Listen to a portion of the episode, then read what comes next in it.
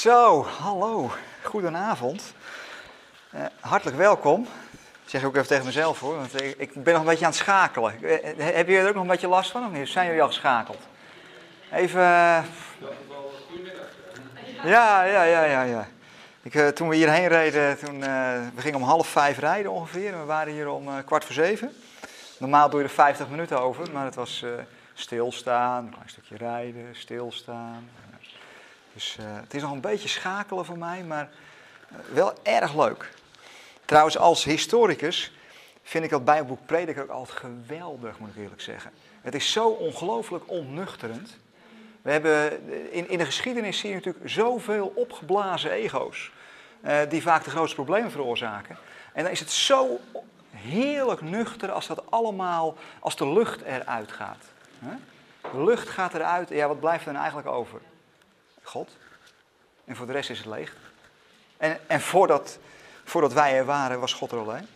En, en we leven eigenlijk in Hem. In Hem leven en bewegen wij ons. Uh, in verbondenheid met Israël zou ik graag uit de Sidur, het Joodse gebedenboek, wat willen lezen.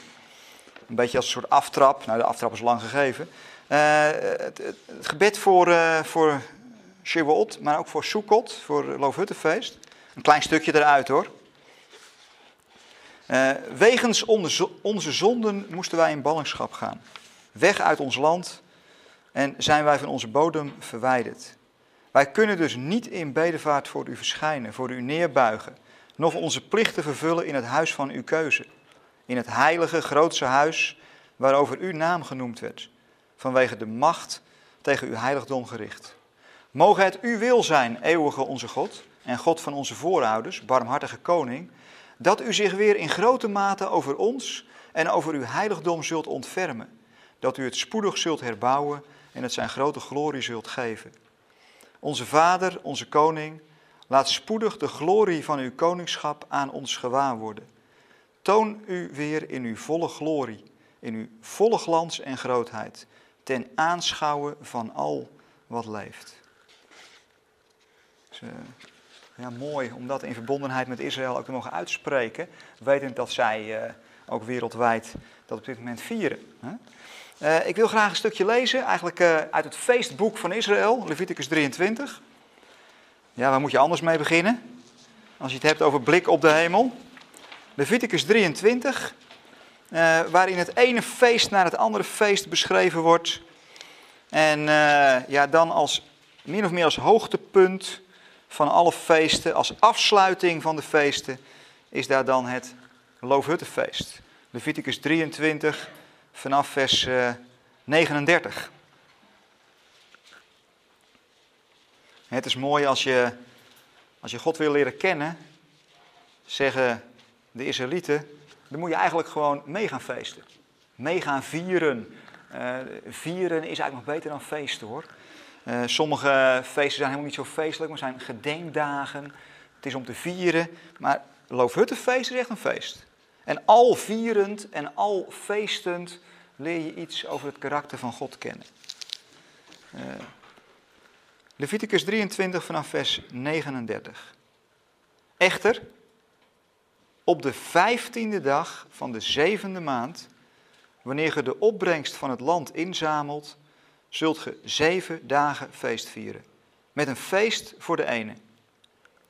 Op de eerste dag is het Shabbat en op de achtste dag is het Shabbat. Nemen zult ge u op de eerste dag een vrucht van een citrusboom, takken van palmen, een twijg van een loofboom en beekwilligen.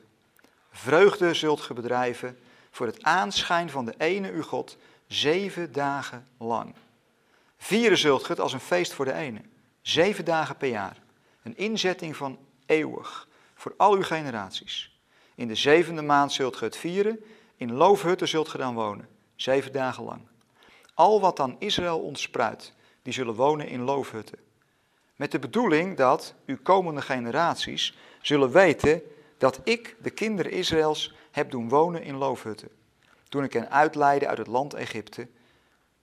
Ik, de ene God over u. Zo spreekt Mozes over de samenkomsten van de ene tot de kinderen Israëls. even een paar dingen eruit plukken hoor.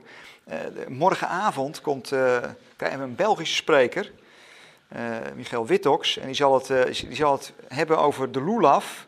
Nou, die vinden we in vers 40, hè, de, de lulaf, de, de citrusboom, de takken van palmen, twijg van loofboom, beekwilligen. Daar gaat hij morgenavond een lezing over geven. Opvallend. Wat ik opvallend vind hieruit is uh,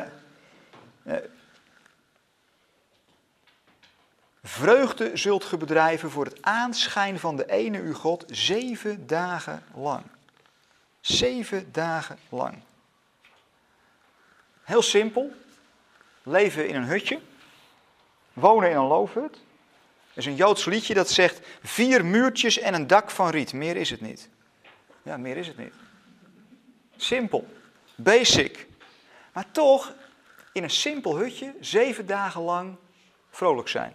En niet zomaar vrolijk zijn. Je kunt eigenlijk vergelijken, eh, je kunt lol hebben of je kunt vreugde bedrijven.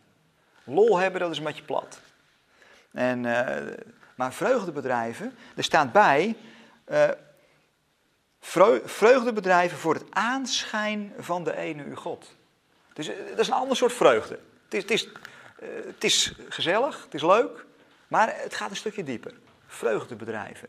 Eigenlijk, het heeft niks kunstmatigs. Laat ik het zo zeggen.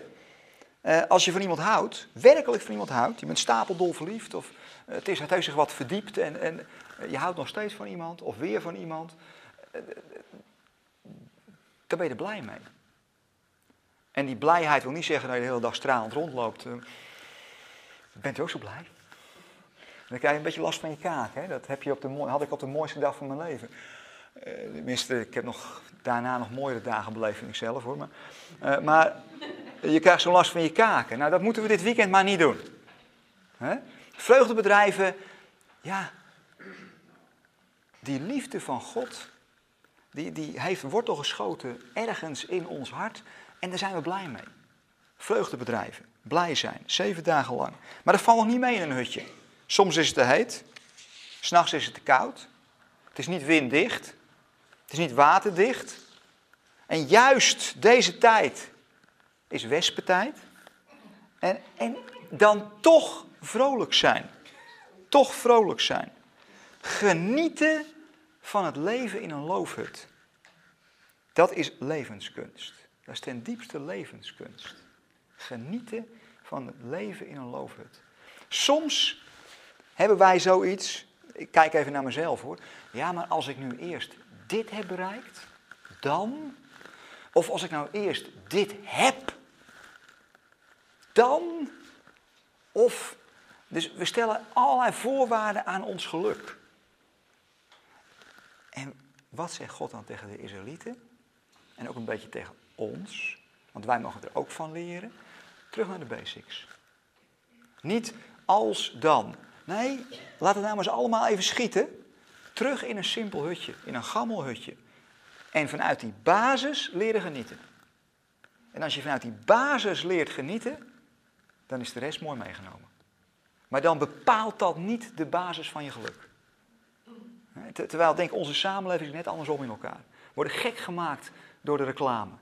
De ene folder naar de andere folder. En ik merk het hoor, wij hebben zo'n nee-ja-sticker. Gewoon om onszelf een beetje te beschermen, want wij zijn daar heel kwetsbaar in. Uh, hebberig. Uh, want als die folders komen, zitten bladen, dan denk je, hé, hey, dat is leuk. Het is nu in de aanbieding. Ja, hoor eens, volgende week niet meer. terug naar de basics. Levensgenieters worden vanuit de basis. Nou, viel mij zo even op. Uh, waar zitten we ergens in de tijd? Begint met Pesach. Pesach, Pinksteren en Loofhutten. Dat zijn eigenlijk de drie hoofdfeesten van Israël. Drie maal per jaar moesten alle Israëlieten uh, voor God verschijnen in Jeruzalem. De drie opgaansfeesten. Aan het begin van het jaar, Pesach. En aan het einde van het jaar, Loofhuttenfeest. Sukkot, of het feest van de inzameling. Eerst bij Pesach de eersteling, allereerste. En dan uh, gaat het over tarwe. Uh, sorry, bij Pinkster heb je het over tarwe. Gerst hè, bij Pesach. Dus eerst de eersteling, Christus. Yeshua. Dan bij Pinksteren, Shavuot, het tweede feest, de eerstelingen, tarwe, Jood en Heiden.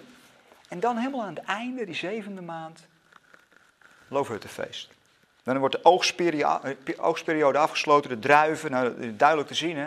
De druivenoogst, de laatste oogst. En dan wordt de oogstperiode afgesloten. Een feestmaand. Maar, wacht even. Als je kijkt naar de thema's waar we ons mee bezig gaan houden. Ik ben een beetje eigenwijs geweest, moet ik eerlijk zeggen hoor. Ik had te laat gezien. Uh, bij, bij de folder dacht ik dat Veilig zonder dak de eerste avond zou zijn. En dat vond ik eigenlijk wel mooi passen. Maar wat bleek nu plotseling, toen ik veel te laat het uh, programmaboekje vanavond uh, inkeek. Toen zag ik, hé, hey, we hebben het over blik op de hemel. Maar dat had ik eigenlijk als afsluiting bedacht. Uh, dus we draaien het een klein beetje om. Vanavond hebben we het over veilig zonder dak. waarom dan? Nou, moet u eens even met me meelezen wat er staat. In onze samenleving wordt veiligheid vaak verward met zekerheid. Een stevig dak boven je hoofd, huisje, boompje, beestje. Veiligheid verward met zekerheid. In onze samenleving is een, is een verzorgingsstaat geworden. Vanaf de jaren 50 is dat langzaam zo gegroeid. En uh, ja, je waant je veilig als je zeker bent. Ik, eh, ik zat nog eens te, te, googlen en toen kwam ik tegen op internet. Je kunt je, je, tegen alles verzekeren. Want als je verzekerd bent, geeft wat veiligheid. Ik, ik, ik, ik vond een verzekering over uh, ja, regen op je bruiloft. Als het nou heel hard regent, dan kun je daar tegen verzekeren, want dat kan schade veroorzaken en dat wordt dan allemaal weer verzekerd. Of of een hele website hoor. Uh, het kan ook zo zijn dat, dat je taart valt, of ja, je zal het zomaar gebeuren. Of je pak wordt beschadigd. nou, je wordt echt, je kunt je overal tegen verzekeren. Gemiddelde Nederlander schijnt ook oververzekerd te zijn.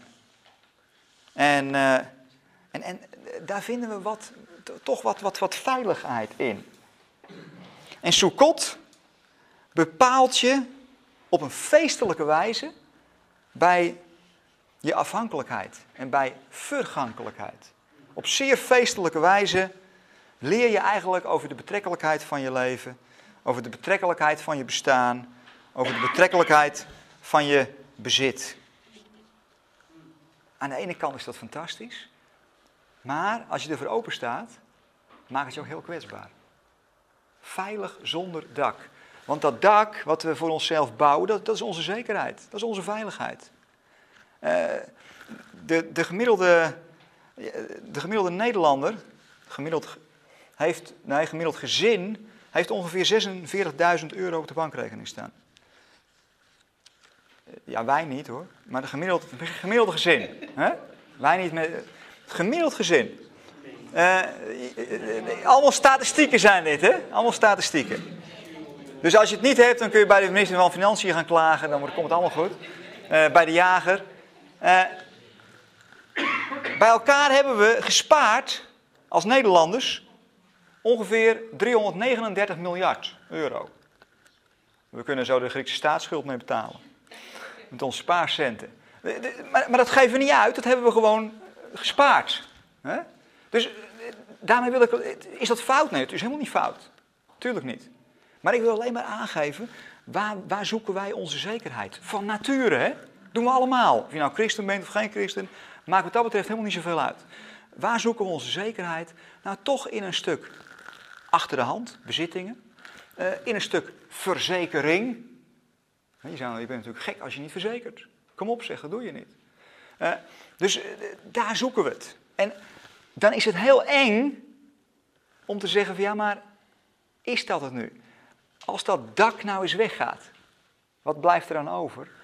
Nou, wat bladeren en wat natuurlijke spulletjes. En, maar eh, niet zodanig dat het de regen tegenhoudt. Je kunt, en dan kun je plotseling de hemel weer zien. Kun je plotseling de hemel weer zien. Dat is apart. Je kunt soms kennelijk zo bezig zijn met je te richten op alles wat belangrijk is. Zekerheid, veiligheid, je moet toch de, je zaakjes in orde hebben. Allemaal waar en allemaal goed. Alleen dan, soms kan het wel eens goed zijn om terug naar de basics. Wat is nou je echte zekerheid? En wat is nou je echte veiligheid? En dan kom je bij Loofhuttenfeest. Loofhuttenfeest heeft een paar betekenissen.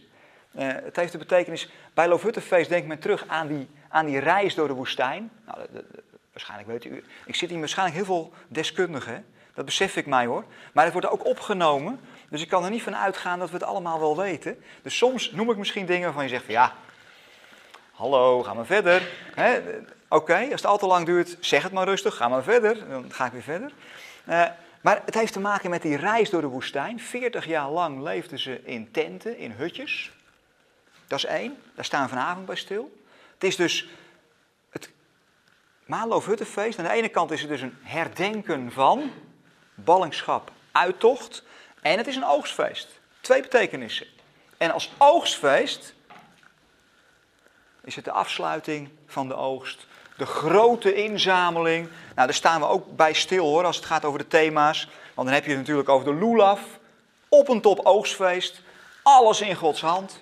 Of je hebt het over na het oordeel, verzoendag. Hè. Alle volkeren worden ingezameld. Eerst wordt Israël ingezameld. Daar begint het Loofhuttenfeest mee. Maar dan worden de volkeren ingezameld. 70 stuks. Hè, volgens de Bijbel zijn er 70 verschillende volkeren. En ook dat vindt zijn, heeft zijn plek in het Loofhuttenfeest. Daar gaan we het nog over hebben. Morgenochtend. Morgenochtend hebben we over het na het oordeel verzoendag. Morgenavond de lulaf. En dan eindigen we met blik op de hemel. En uh, ja, dan willen we eigenlijk eens gaan kijken zondagmorgen. Ja, en nu? Hoe werkt dat dan in, je dagelijks leven? Wat, wat merk je dan van God en waarom merk je eigenlijk niet zoveel van hem dan? Uh, wat kunnen we daarmee? En daar hoort natuurlijk helemaal prediker bij. Hè? Want prediker, ja, die, die, daar word je eigenlijk mee uitgezwaaid met prediker.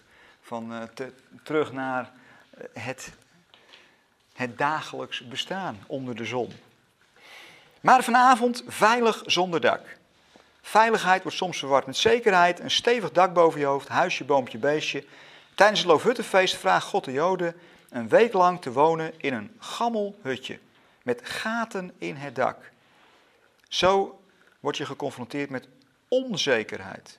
Dan zegt God, je echte veiligheid ligt niet in je zekerheid, maar in het feit dat ik erbij ben in alle facetten van je leven. Weet u, een paar, eh, een paar gedachten. Het was een, een korte lezing, dus ook niet al te lang. Uh, Psalm 27, daar, daar vind je deze gedachte heel mooi in terug. Dus we hebben het over kwetsbaarheid. We hebben het over een gammel hutje. Uh, we hebben het over onzekerheid. Maar onzekerheid die eigenlijk zekerheid is. Lucht en leegte, maar als je doorprikt, kom je bij, kom je bij God uit. Terwijl je een hoop lucht en leegte denkt te zien. Onzekerheid, maar als je diep genoeg boort, kom je bij God uit. En dat is dan je zekerheid. ik, eh, ik merk steeds meer, ik uh, vandaag weer heel wat pubers langs zien komen, heel wat puberbreinen uh, zich zien, zien weren op allerlei manieren. Helemaal hot, het puberbrein. Helemaal het onderwerp niet. Hou op, Wim. Ja, ja. Maar ik merk ook bij al die pubers die soms zichzelf zo overschreeuwen. We zijn allemaal ten diepste best wel onzeker. Best wel onzeker. En over van alles en nog wat. En het mooie vind ik, relax. Dat mag. Daar hoef je niet voor te schamen. Uh, helemaal niks mis mee. Want onze zekerheid is ten diepste daar waar we op neerkomen, die rots. Psalm 27. Als we het hebben over de loofhut. Psalm 27, eh, ik een klein stukje uitlezen.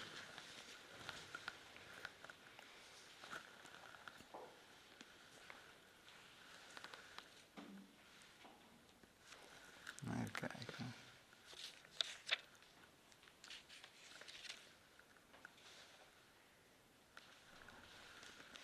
Ik zie. Nou, ik wil al zeggen, ik dacht net dat er wat anders in Psalm 27 stond, maar dan moet je niet in uh, Leviticus 27 kijken. Niet zo handig. Hè? Psalm 27, een prachtig gedeelte, prachtige psalm. Uh, en een heel wonderlijk vers. Misschien heeft u wel eens een keertje gehoord, maar hoort u nog een keer. Het is mooi van onze hersenen dat het langzaam steeds meer insluit. U merkt het al, ik ben met mijn andere werk erg met dat onderwerp bezig. Eh, Psalm 27. Lees even mee. Of luister lekker even mee. De Heer, de ene is mijn licht en mijn redding. Voor wie zal ik vrezen? De ene is mijn levensveste. Voor wie dan nog verschrikt?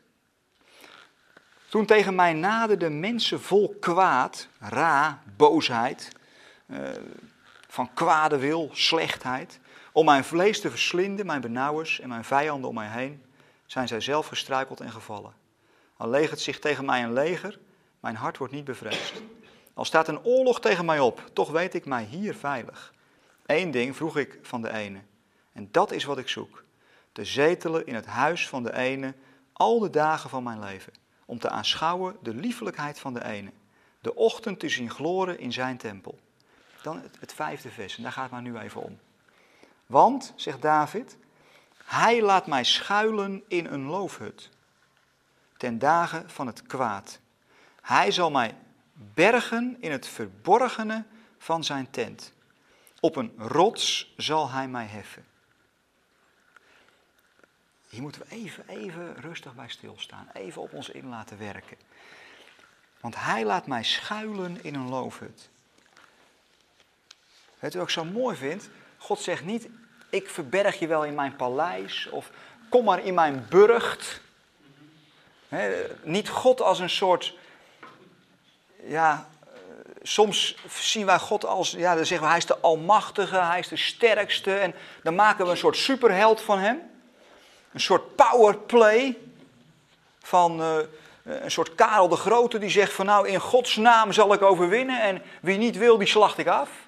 Zo hebben we dat als, christen, als christendom soms geïnterpreteerd.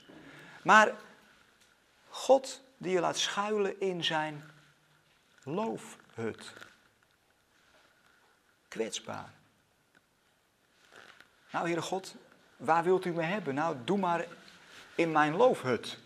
Oh, in een gammel hutje. Hm. Verbergen, dat schuilen trouwens, daar zit, dat, dat, woord dat heeft allerlei betekenissen. Dat betekent verbergen. Ook betekent het koesteren. Zo'n loofhut, als je een heel groot paleis hebt waar duizenden mensen in passen, ja, daar val je niet op. En zo'n klein hutje. Ja, dat is persoonlijk. Dat is intiem. Daar word je gekoesterd. Het betekent ook bewaren. God bewaart ons. Hij is zuinig op ons. En uh, wat verder in dat vijfde vers, want hij laat mij schuilen in een loofhut ten dagen van het kwaad. Kwaad, ra. Wat is dat dan, dat kwaad? Nou, dat is wat we eigenlijk elke dag wel ervaren. Elke dag ervaar je daar op de een of andere manier vaak kleine dingetjes hoor kwaad, denken we aan hele grote dingen. Nee, het zijn die kleine dagelijkse ergernisjes. Of eh, hebben jullie er geen last van? Man. Vanmorgen, ik, ik was zo zaggerijnig toen ik op school kwam. Ja, gisteren waren we de hele dag in, België geweest, in Ieper. Ja dat, ja, dat doe je soms als, als geschiedenis. We waren met vijf HAVO op stap, excursie, naar de slagvelden van de Eerste Wereldoorlog. De, hebben we in de loopgraven gelopen en allerlei gruwelijke dingen gezien. Eh, één uur s'nachts thuis, snel naar bed en dan s ochtends weer fris en fruitig voor de klas staan, dat valt niet helemaal mee. Dus ik was een beetje chagrijnig. Kwaad. Nou, dan heb je het juist nodig, hè? die kleine ergernisjes. Boosheid, slechtheid, maar ook allemaal woordbetekenissen van het ene woordje ra. Onaangenaam of uh, onvriendelijk of bedroefd. Zit allemaal in dat woord opgesloten. En dan heb je het zo nodig dat je kunt schuilen in die loofhut. Kwetsbaar, klein, maar wel heel dicht bij God. Verbergen. Eh, en dan staat er ook nog in dat, in dat vijfde vers: Ten dagen van het kwaad zal hij mij bergen in het verborgene. Dat is mooi, hè? een soort parallelisme. Zal hij mij bergen in het verborgene? Dat, dat, dat bergen, daar zit iets in van zorgvuldig verbergen. Of zelfs verstoppen. Verstoppen. Eh, ja, wonderlijk. Ik, ik, moest, eh, ik moest even denken aan, aan dat vers wat, wat, wat Paulus later zegt. We zijn met Christus verborgen in God. Daar zit, daar, zit, daar zit datzelfde idee achter. We zijn met Christus verborgen in God. Dat, dat geeft ook een stuk, een stuk rust, een stuk intimiteit.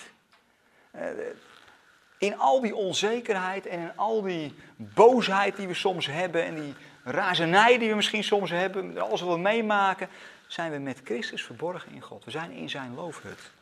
Heel intiem. Hij heeft ons zorgvuldig verstopt. Een soort pakje wat later uitgepakt wordt. Er staat er ook weer, hè, van, want als Christus verschijnt, zullen wij met hem verschijnen in heerlijkheid. We zijn verstopt. Nog niet uitpakken nog niet uitpakken. Het is nog verstopt. En uh, ja, dat is soms wel ook wel een beetje lastig. Dan zitten we gelijk al een beetje bij die maandag. Hè? Want ja, soms voel ik me ook wel een beetje verstopt. En dan ben je weer een, weet ik, een dagopening aan het houden voor, voor, die, voor die drie leerlingen die dan, die dan wel geloven. En die 28 die het helemaal niet geloven. En uh, ja, dan probeer je eigenlijk op een soort verstopte manier te communiceren uh, vanuit het verborgene. Tenminste, dat doe ik. En, en je probeert iets weer te geven van die andere werkelijkheid van Christus. Op een manier dat het overkomt. Eh, maar, maar daar, dan plotseling zie je een soort omkering in, in dat vijfde vers. hij, hij zal mij bergen in het verborgene van zijn tent. Op een rots zal hij mij heffen. Dat is apart.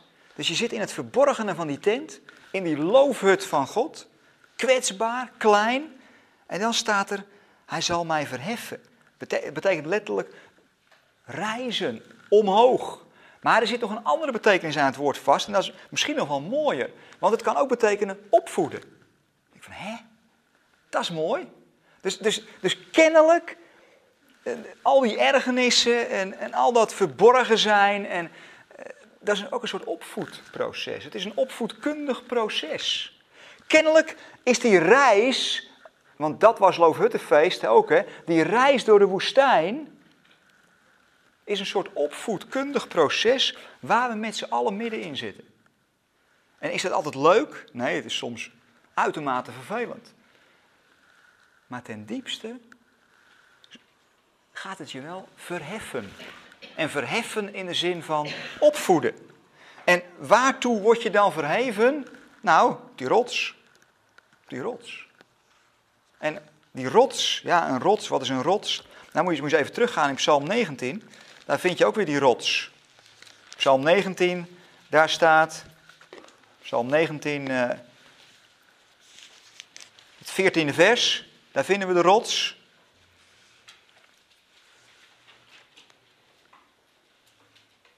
Nou, sorry, het is vers 15 in de, in de Bijbel, maar misschien in de NBG vers 14. Uh, Mogen welgevallig wezen wat mijn mond zegt en wat mijn hart fluistert voor uw aanschijn. Ene, mijn rots, mijn verlosser. God als rots, God als verlosser. Of, wat dacht je van uh, Jezaja? Jezaja uh, 44. Jezaja 44, het uh, achtste vers.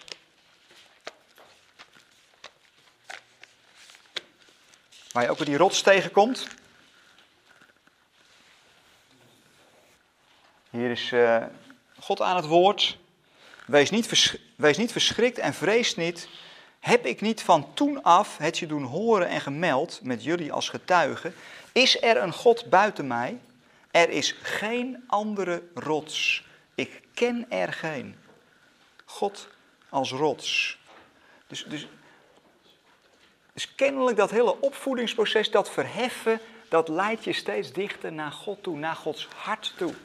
Dus als je het nou hebt over, ja, al die ergernissen, al dat, dat kleine kwaad, het verheft je ten diepste naar God toe. Eh, wat heeft Jezus daar dan mee te maken? Nou ja, van alles natuurlijk. Dus kijken als we wat verder bladeren in, uh, in 1 Korinthe. 1 Korinthe 10. De rots in de woestijn.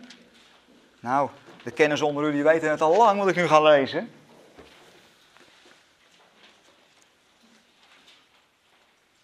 ...1 Korinthe 10...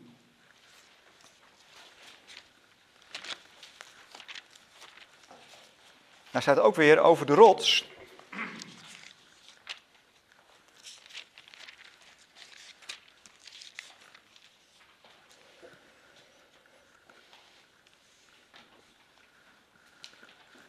Over de rots die, die meeging. Eh, de, de rots waar Mozes op moest slaan. En daar kwam water uit. Ook water is trouwens een, een beeld wat bij het Loofhuttenfeest hoort. Het water uh, ritueel, daar gaan we nog uitgebreid over spreken. Want ook dat heeft natuurlijk allerlei geestelijke lijnen. Uh, en allen hebben dezelfde geestelijke drank gedronken. Want, 1 Corinthië 10 vers 4, want ze hebben gedronken uit een geestelijke rots die hen volgde. En die rots is de Christus geweest. De geestelijke rots en die rots is de Christus, is de Messias. God als rots. De Messias, Jezus als rots. Uh, nog even iets verder. Heb ik nog even? Ja, een paar minuutjes nog. Uh, Joden hebben zich wel eens afgevraagd: waarom wordt het ritueel van het Loofhuttenfeest nou eigenlijk niet op hetzelfde tijdstip gehouden als Pesach? Het heeft toch allebei te maken met de uittocht? Waarom zitten er nou zoveel maanden tussen? Als het bedoeld is als herinnering uit de uittocht. Wat is het antwoord wat je vindt in Joodse hoek? Dus waarom nou Pesach niet tegelijkertijd met Loofhutten? Allebei een feest van de uittocht. Nou, zegt men, mensen zitten normaal in een tent als het lente is en als het zomer is.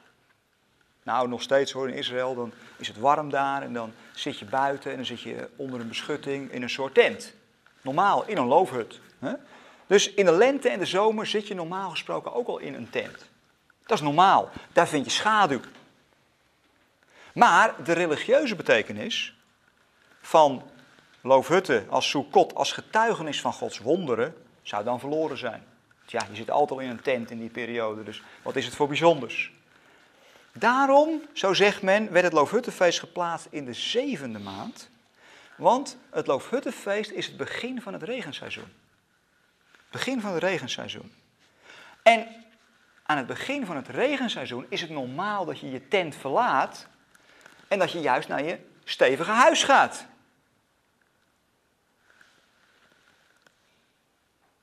En wat doet de Heere God dan? Hij keert de normale orde om. Dat is nog altijd zo. God keert de normale orde om. Normaal gesproken zou je nu juist van je tent naar je vaste huis vertrekken. Lijkt me eh, wel een goede zaak. Het gaat weer een nachtje vriezen vannacht, dus het is niet meer zo lekker in zo'n tentje. Maar wat zegt de Heere God dan? Nee, dan gaan we nu juist andersom doen. Dan gaan we nu juist naar de tent toe. Dan gaan we nu juist naar de tent. En waarom dan? Als herinnering. Eh, het omkeren van de normale orde, zo zegt men, eh, zo zeggen Joodse bronnen, is juist een bevestiging dat je bezig bent met een uitvoeren van een opdracht van de Heer. Eh, wonderlijke zaak, hè?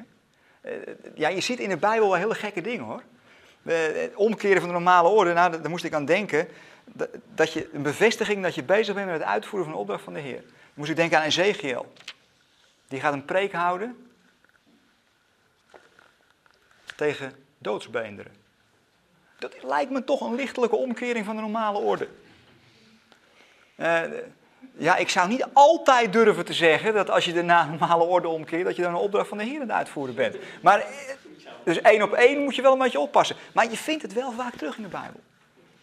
Norma omkering van de normale orde. En, uh, en zo wordt loofhutten, zo'n loofhut, wordt een teken van het goddelijke wonder hoe God Israël heeft beschermd al die 40 jaar lang in dat gammele hutje. En zo wordt de soeka, de loofhut, een symbool van Israëls vertrouwen in God. En een, soort expressie van geloof in God. En, en die soeka, dat die gammel is, dat benadrukt nog eens dat datgene waar het om gaat ten diepste geestelijke kracht is. En geen, uh, ja, die, die binnenin zit. En geen uiterlijk vertoon.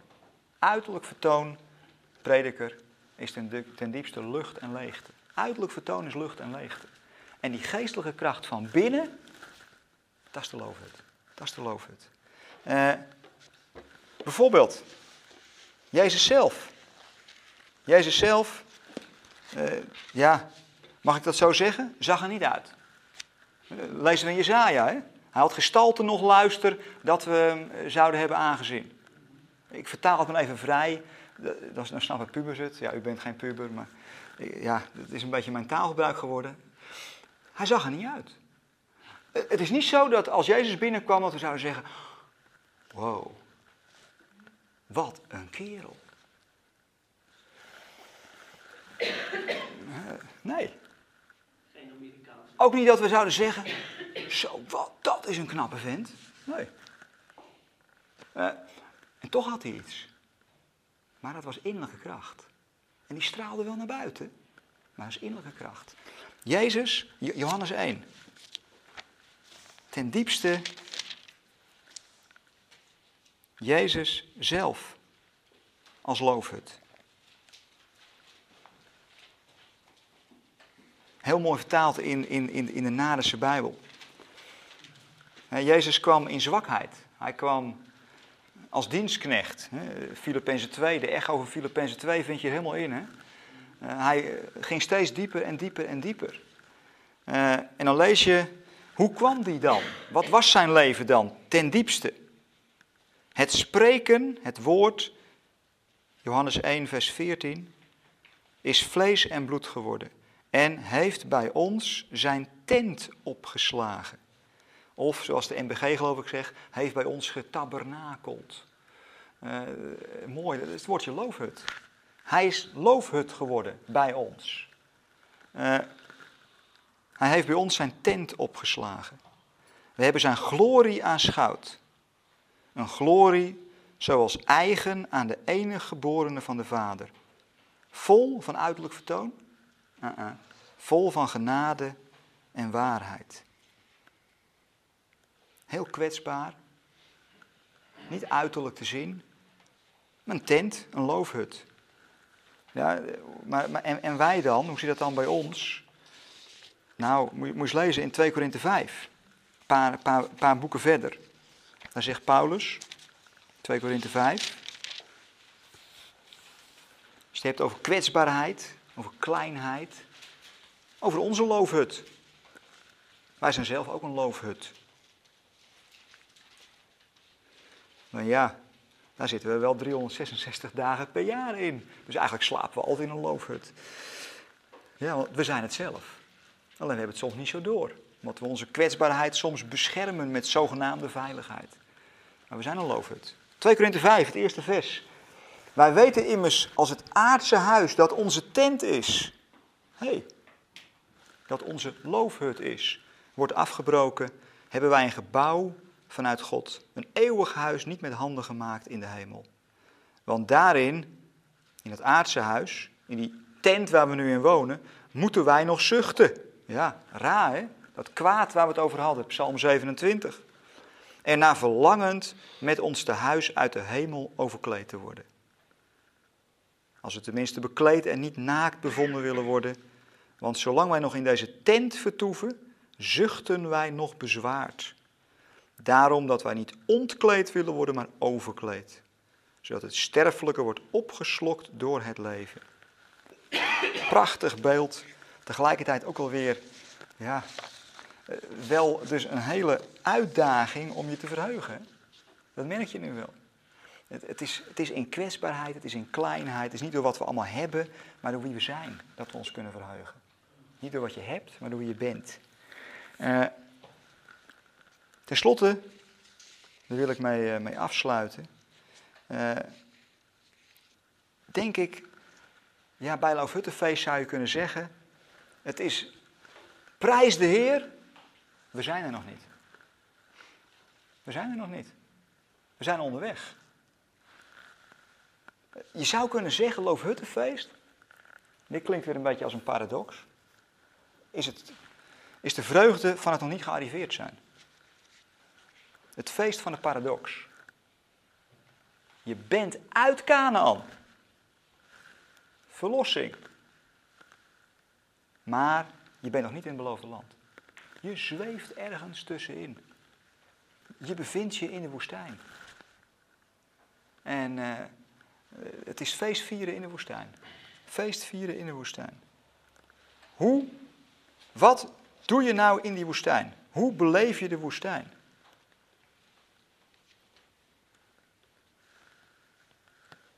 En midden in die woestijn, dat is Pinksterfeest, heb je daar de openbaring van het woord. Dan komt God bij de Sinai met zijn woord. En dat is ook het einde van Loofhuttenfeest. Simchat Torah, het feest van het woord. Dus, dus kennelijk in die woestijn wat jou ten diepste vreugde geeft. Want ik, ik, geloof, niet meer, ik, ik geloof niet meer in zo in het welvaartsevangelie. Van als je nou op die manier bidt en als je nou dat doet en zus doet, dan gaat God je zegenen. En zul je dit krijgen en dat hebben en zus hebben. En dan zul je groter worden en dan zul je machtig worden. En dan kun je een kerk bouwen voor duizend man en dan voor 2000 man. Dat is allemaal uiterlijk vertoon. Daarom noem ik Loofhuttenfeest het feest van het nog niet gearriveerd zijn. Zodra wij de neiging hebben, we zijn gearriveerd en we gaan dat vieren in uiterlijk vertoon, misschien dat we het dan al helemaal kwijt zijn. En dat we weer terug moeten naar af. En uh, dan wordt het soms bij je handen afgebroken, misschien wel. Het feest van het nog niet gearriveerd zijn. In alle kwetsbaarheid, in alle kleinheid. Maar wel ook het feest van het woord. Want door dat woord, terug naar de basics, in je gammele hutje, leren genieten. En gewoon zoals je bent. Met al je ochtendhumeuren, avondhumeuren of helemaal geen humeuren. Kleine uh, trubbelingen, uh. Allemaal van die kleine kwaden. Ra. Maar wel in die loofhut. Nou, ik hoop dat het mij lukt, want het is ook een beetje eng, om gewoon zo kwetsbaar te durven zijn naar jullie toe. En ik hoop dat het ook zo naar elkaar lukt. Om gewoon kwetsbaar en open en eerlijk. We zijn allemaal ons eigen loofhutje. Eh, bij elkaar ja, dat ook te kunnen vinden. En dat we ten diepste met elkaar in die ene grote loofhut verborgen zijn. Verborgen met Christus in God. Amen. Nou, uh, ja, oh, ik moest nog twee vragen bedenken. Uh, van, ja, jullie gaan nu even kennis maken in, in, in je groep. Gewoon even kort. En uh, ja, dan hoef je niet per se over deze vragen na te praten hoor. Je kunt in het algemeen nog eens even hierover napraten. Of over het weekend, of over wat je vandaag hebt meegemaakt. Hoe je hier bent gekomen. Uh, maar het is misschien wel eens leuk om eens na te denken van ja...